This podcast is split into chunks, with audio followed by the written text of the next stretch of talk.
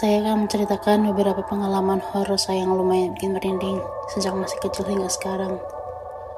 Karena ceritanya random, beberapa peristiwa yang saya alami ini tak saling berkaitan. Namun ada juga yang berkesinambungan dan terjadi terus-menerus, bahkan hingga sekarang. Beberapa di antaranya cukup mengerikan dan traumatis hingga terus terngiang sampai sekarang. Juga sering terbawa mimpi. Kisah pertama, saat masih balita, saya sering main ke rumah nenek yang saat itu lokasinya cukup terpencil di pelosok Cirebon. Di kanan kiri cuma ada hutan, kebun lebat, sawah, dan rumpun bambu. Jarang ada rumah. Rumah nenek ini tergolong jadul atau kuno, dan banyak perabotan antik seperti tungku bata, dipan bambu, dan lain-lain. Suatu ketika saat sedang main petak umpet bareng sepupu, saya iseng mengintip ke salah satu kamar, dan saya terkejut melihat lukisan seorang wanita cantik di dinding, di belakang ranjang berkelambu. Lukisan itu sangat besar, sekitar 150 kali 200 cm, dan wajah wanita di lukisan itu sangat-sangat cantik. Saya sampai terpukau melihatnya, seolah sedang menatap bidadari. Ini cukup aneh, karena saat itu saya masih tiga tahun, yang tentunya belum mengerti pesona lawan jenis. Bahkan sekarang di umur saya yang 30 ini, Jarang sekali saya melihat wanita yang kecantikannya bikin terpesona. Anehnya, ketika saya masuk kamar itu lagi, lukisan tersebut sudah tak ada. Padahal saya ingat betul letaknya di mana. Bahkan nenek, paman, dan bibi yang tinggal di situ pun tak tahu menaun tentang lukisan itu. Mereka tak pernah punya atau mengoleksi lukisan. Saya pun langsung terdiam. Lantas, tadi itu apa? Wajah siapa yang ada di sana? Sampai sekarang hal ini masih jadi misteri. Entah itu beneran lukisan, foto jadul, kalender yang terselip, atau beneran makhluk gaib, saya nggak tahu. Yang jelas wajah cantik itu kadang masih terngiang sampai sekarang. Lalu ada satu lagi kejadian serupa. Namun kali ini terjadi di rumah saya. Tahun 1996, saat itu saya sedang main di lantai dua yang tak berpenghuni. Saya melihat foto wanita cantik terselip di salah satu jendela ruangan dan lagi-lagi, wajah itu membuat saya terpesona. Siang harinya saat saya cari lagi, foto itu sudah tidak ada. Entahlah, mungkin bangsa mereka juga doyan selfie. Saya sempat parno terkait hal ini gara-gara sinetron horor yang tak sengaja saya tonton. Saat saya terbangun suatu malam dan TV masih menyala, ada salah satu adegan di mana lukisan wanita di sinetron itu tiba-tiba bergerak. Matanya bisa melirik dan tatapannya itu pas banget ke arah kamera. Mungkin itu jam scare pertama saya. Alhasil saya langsung histeris dan membangunkan orang tua saya. Tenang, nanti juga setannya kalah sama Pak Kiai. Begitu kata ayah sambil menenangkan. Kisah kedua. Kisah horor berikutnya dialami oleh kakak-kakak saya saat mereka masih kecil. Tahun 1980-an, Rumah saya masih berupa gubuk kecil berdinding bilik bambu, dikelilingi hutan lebat dan perkebunan, jauh dari perkampungan. Dulu ayah saya benar-benar babat alas dan membangun rumah dari nol. Jadi mungkin para makhluk gaib penghuni hutan Cirebon banyak yang terusir dari habitatnya, sehingga sering menampakkan diri. Suatu malam, kakak-kakak saya sedang duduk sambil uncang-uncang kaki di atas tipan bambu, mengantri dicuci kakinya oleh ibu kebiasaan rutin menjelang tidur. Tiba-tiba terlihat sosok bayangan kuda besar beserta penunggangnya di belik bambu. Kakak dan ibu langsung terdiam, memperbanyak zikir saat bayangan itu membesar. Diiringi bunyi kaki kuda yang mondar-mandir mengelilingi rumah. Anehnya, saat ayah memeriksa keluar, tak tampak sosok apa pun, hanya ada kegelapan. Bahkan jejak kakinya pun tak ada. Padahal saat itu tanah becek karena musim penghujan. Besoknya makhluk itu muncul lagi. Tapi hanya suaranya saja, diiringi bunyi kerincingan seperti kereta kencana bangsawan zaman dulu. Entahlah, mungkin itu jin korin atau jelmaan leluhur yang ingin menengok. Pernah juga ada sosok yang menyerupai kerabat atau kenalan. Dia diam saja saat disapa dan tiba-tiba menghilang saat dicari. Padahal yang bersangkutan sedang ada di tempat lain. Lalu ada kakek berjubah hitam yang muncul siang bolong di dekat pemakaman warga. Sosok itu membawa cangkul dan jalannya lambat. Warga yang berpapasan dengannya ketakutan karena dia diam saja saat disapa. Entah ada kaitan atau tidak, kakek ini muncul saat di kampung saya banyak orang meninggal. Saat itu hampir tiap hari speaker masjid mengumumkan kabar kematian seorang. Kisah ketiga. Sejak awal berdirinya rumah saya, rumah saya mengalami beberapa kali renovasi. Saat saya lahir, rumah saya sudah berdinding tembok, terdiri dari dua lantai dan terbilang sangat luas, mirip seperti gedung sekolah di kota-kota besar. Bayangkan, rumah seluas itu hanya ditempati oleh delapan orang, yaitu ayah, ibu, saya, dan lima kakak saya. Itu pun kami sering tidur bersama di ruang TV, sehingga banyak ruang kosong yang tak terpakai. Siang hari dan sore bagda maghrib, bangunan sayap kiri dialih fungsikan sebagai pesantren, sedangkan malamnya dibiarkan kosong karena tak ada santri yang menginap. Menurut cerita ayah, rumah kami dilindungi sosok harimau gaib bernama Simandung. Konon makhluk itu sudah menjaga keluarga kami turun-temurun sejak ratusan tahun lalu. Pernah suatu malam, rumah kami hampir kemalingan. Tetangga sebelah bahkan kehilangan TV, uang, dan perhiasan di lemari. Tapi untungnya rumah kami tak kebobolan sama sekali. Padahal saat diperiksa, di teras depan tampak jejak-jejak sepatu yang mengindikasikan kehadiran para maling itu di rumah. Mereka kelihatannya mondar mandir dan berjinjit di jendela ruang tamu dan bodohnya mereka juga sempat mencoba membobol jendela madrasah yang kosong.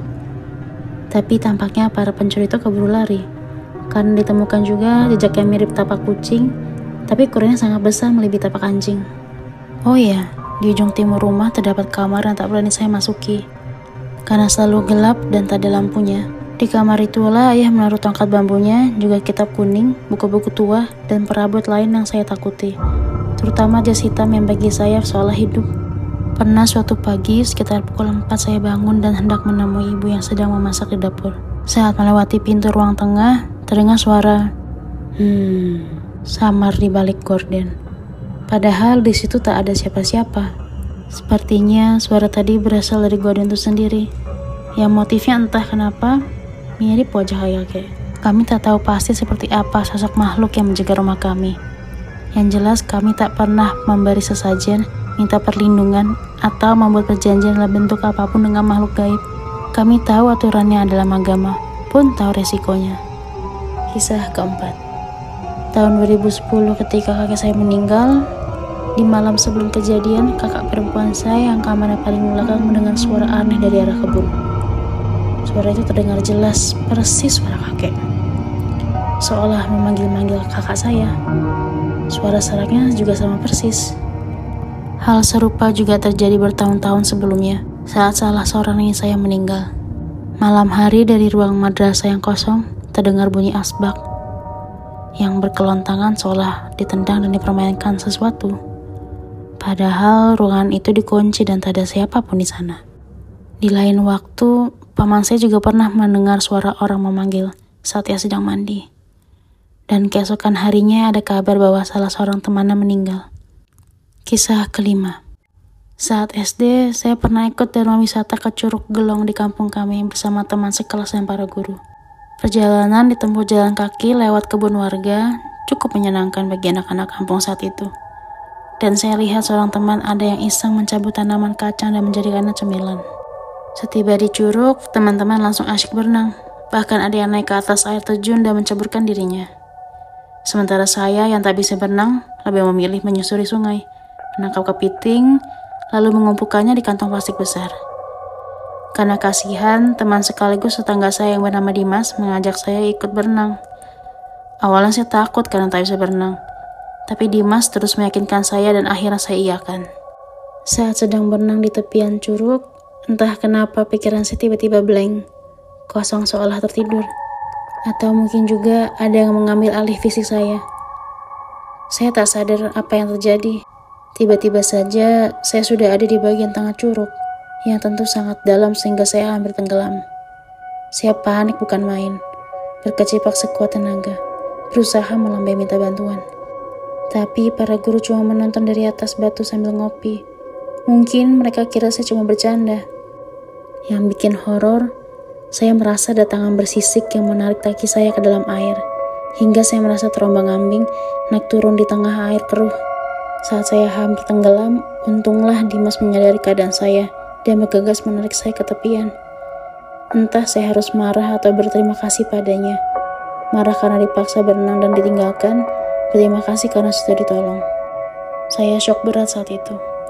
Dan beberapa hari setelahnya, saya terus saja bermimpi buruk. Sejak saat itu, saya jadi agak takut bermain di air. Saya ingat pesan ibu saya, bahwa setiap kali hendak pulang dari tempat suwung atau angker atau sungai, kita harus memanggil nama diri sendiri supaya lembut atau roh halus kita ikut pulang dan tidak tertinggal di sana. Kisah ke-6 Di dekat SD saya terdapat rumah besar yang digosipkan warga sebagai rumah pesugihan. Katanya pemilik rumah itu tukang nyupang, mencari uang dengan cara gaib dan sesat. Saya sendiri menyebut rumah itu rumah cabai raksasa karena ada kentongan berbentuk cabai di lantai atas rumah tersebut. Entah benar atau tidaknya rumor tersebut, yang jelas suatu hari ada sepupu saya yang makan nasi berkat dari hajatan di rumah tersebut. Malamnya, sepupu saya langsung kejang-kejang, kesurupan dan makhluk yang merasuknya bilang bahwa nyawanya akan disandra untuk dijadikan tumbal. Karena tak melihat langsung, saya tak ingat bagaimana persisnya, tapi kejadian itu sangat dramatis dan alot Sampai-sampai ayah dan salah seorang aki saya dipanggil malam-malam untuk membantu proses rukiah. Alhamdulillah, negosiasi berjalan lancar dan makhluk itu pun berhasil diusir jauh-jauh tanpa syarat. Kisah ketujuh. Ketika saya kelas 4 SD, saya dan dua teman saya, Dimas dan Jojo, sering bertualang ke tempat-tempat terpencil di kampung kami. Mandi di balong, memunguti buah salam, memetik jambu mete, main ke ladang tebu, hingga belusukan ke kebun orang yang tak terawat. Karena suatu hari kami tersesat dan tak bisa menemukan jalan setapak. Kebingungan dan hampir putus asa, kami menemukan sebuah gubuk misterius di tengah hutan. Rasanya saya sering melihat gubuk itu dalam mimpi, yang penghuninya seorang nenek renta dengan arit di tangannya. Namun ketika diperiksa, gubuk itu kosong. Entah bangunan sederhana tak terawat ini diperuntukkan untuk apa, dipakai oleh siapa. Karena suasananya mencekam, kami pun bergegas meninggalkan tempat itu. Untunglah, tak lama kemudian kami bertemu seorang pemuda yang hendak berkebun. Pemuda yang merupakan kakak kelas kami itu pun menunjukkan jalan setapak ke jalan raya. Kisah ke-8 Di sebelah barat rumah saya terdapat kebun yang cukup luas.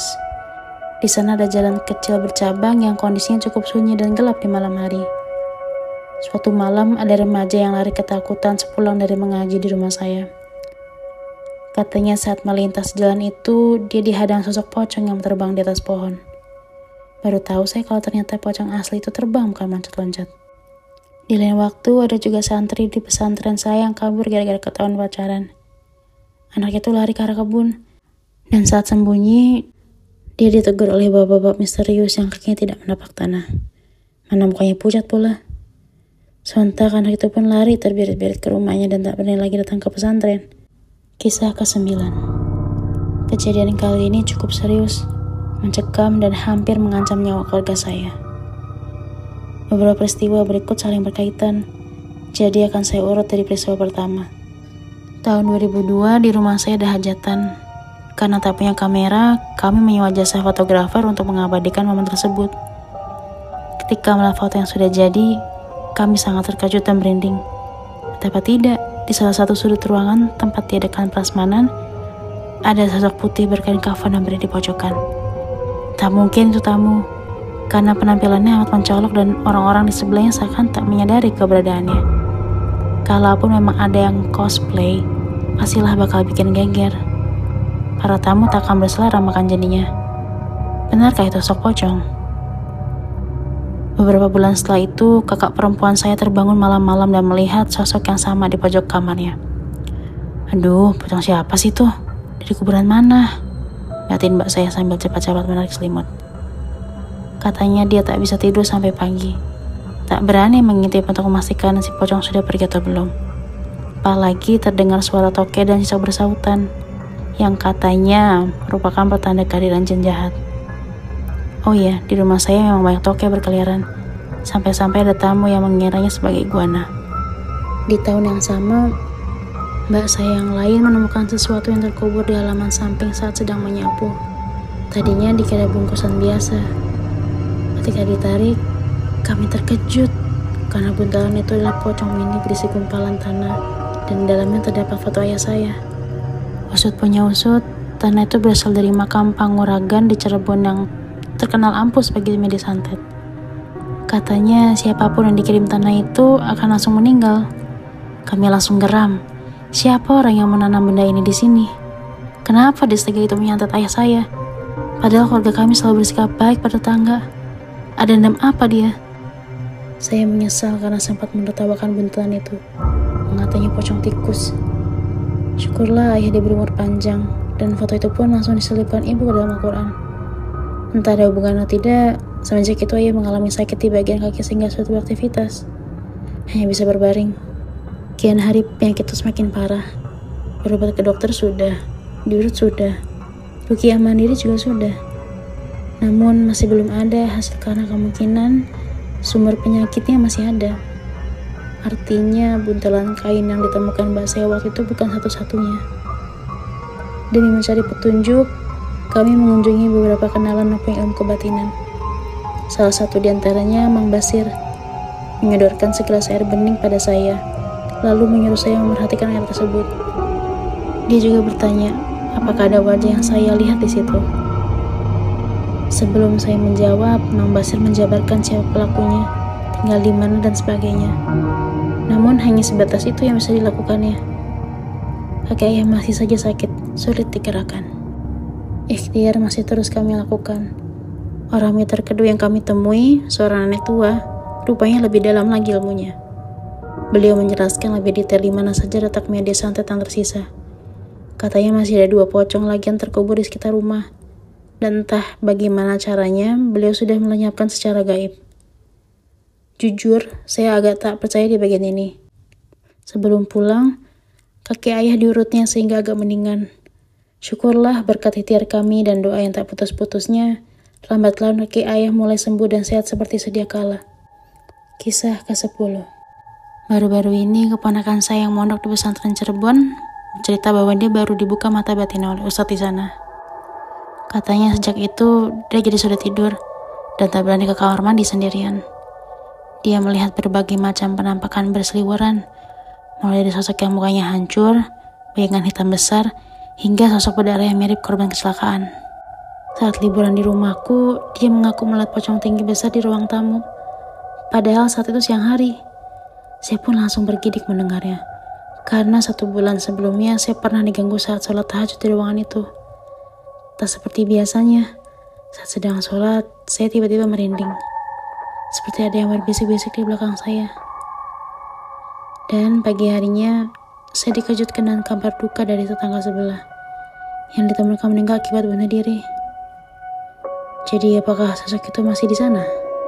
Kisah ke-11 Saat pulang study tour dari Jogja, pukul 12 malam, saya dan teman-teman beristirahat di masjid SMA selepas turun dari bis. Sebetulnya besok harinya tidak ada libur, tapi melihat kondisi kami yang kelelahan, para guru sepakat memberi kami hari bebas. Saat memeriksa foto-foto hasil jepretan di Candi Prambanan, Seorang teman perempuan menjerit histeris karena ada sosok pria tanpa kepala di belakang dia dan temannya. Foto itu sungguh nyata dan realistis. Tak mungkin itu orang lagi cosplay. Apalagi di tahun 2009, masih jarang orang yang jago ngedit foto. Hal ini pun langsung viral dan jadi perbincangan siswa. Saya sempat minta foto itu lewat bluetooth, tapi sayang sekarang foto itu hilang entah ke mana. Kisah ke-12 saat kuliah, saya sering ke kampus malam-malam buat nebeng hotspot. Biasalah, bukan yang ngajian tugas, saya malah download film-film terbaru. Tempat favorit saya adalah dapur kosong di pojokan sebelah kamar mandi. Alasannya, sinyal kuat dan lebih leluasa. Mbak-mbak yang lewat suka kaget saat melihat saya duduk di pojok yang gelap. Sejak dulu, beberapa spot di kampus fakultas biologi terkenal cukup angker. Beberapa hewan awetan yang dipajang di lobi depan pernah terpergok bergerak sendiri oleh penjaga kampus. Entah sungguhan atau cuma karangan mereka, lalu lab taksonomi hewan yang ada di gedung belakang juga tak kalah ngeri. Ada bau-bau tak sedap yang muncul entah dari mana. Dan saat praktikum malam, pernah ada yang melihat Candyman, alias hantu bungkus di pintu pojok yang selalu terkunci. Saya pernah pulang larut malam lewat belakang gedung C Fakultas Pertanian bersama dua orang teman. Dari sana kami harus melewati jalan setapak kecil di pinggir selokan yang berbatasan dengan sawah. Saya beberapa kali melihat Miss Serpo nemplok di tembok lantai dua gedung Faperta. Juga pernah melihat Miss Kay melayang dari arah sawah. Lucunya bukannya takut, teman saya si Pugu malah sempat-sempatnya bercanda. Lihat tuh, ada mbak-mbak model iklan teh Joyce. Atau, tuh ada anak main bola di sawah, bolanya pakai kepalanya, WKWK. Entahlah, saat itu kami tergabung di Rohis dan sering melakukan praktik rukiah. Jadi melihat sosok-sosok itu rasanya biasa saja. Saya juga pernah jalan sendirian malam-malam lewat samping fakultas bahasa yang gelap dan banyak pohon jati. Pernah juga sendirian lewat gang pocong yang terkenal angker. Tapi untungnya tak ada gangguan. Yang paling gokil, saya pernah melihat hal ganjil di gedung lab riset yang posisinya paling belakang dan berbatasan dengan sawah. Suatu malam, tampak jendela lantai atas gedung itu bersinar soal ada aktivitas di dalamnya. Padahal pas saya periksa gedungnya, dikunci, dan tak ada kendaraan yang parkir. Tampak cahaya berpendar mirip cahaya lilin bergoyang, dan ada bayangan beberapa orang sedang menari. Yang di pikiran saya adalah jangan-jangan itu ritual pemuja setan. Setahu saya, gedung itu jarang dipakai. Bahkan, kami anak biologi tidak diizinkan masuk ke sana.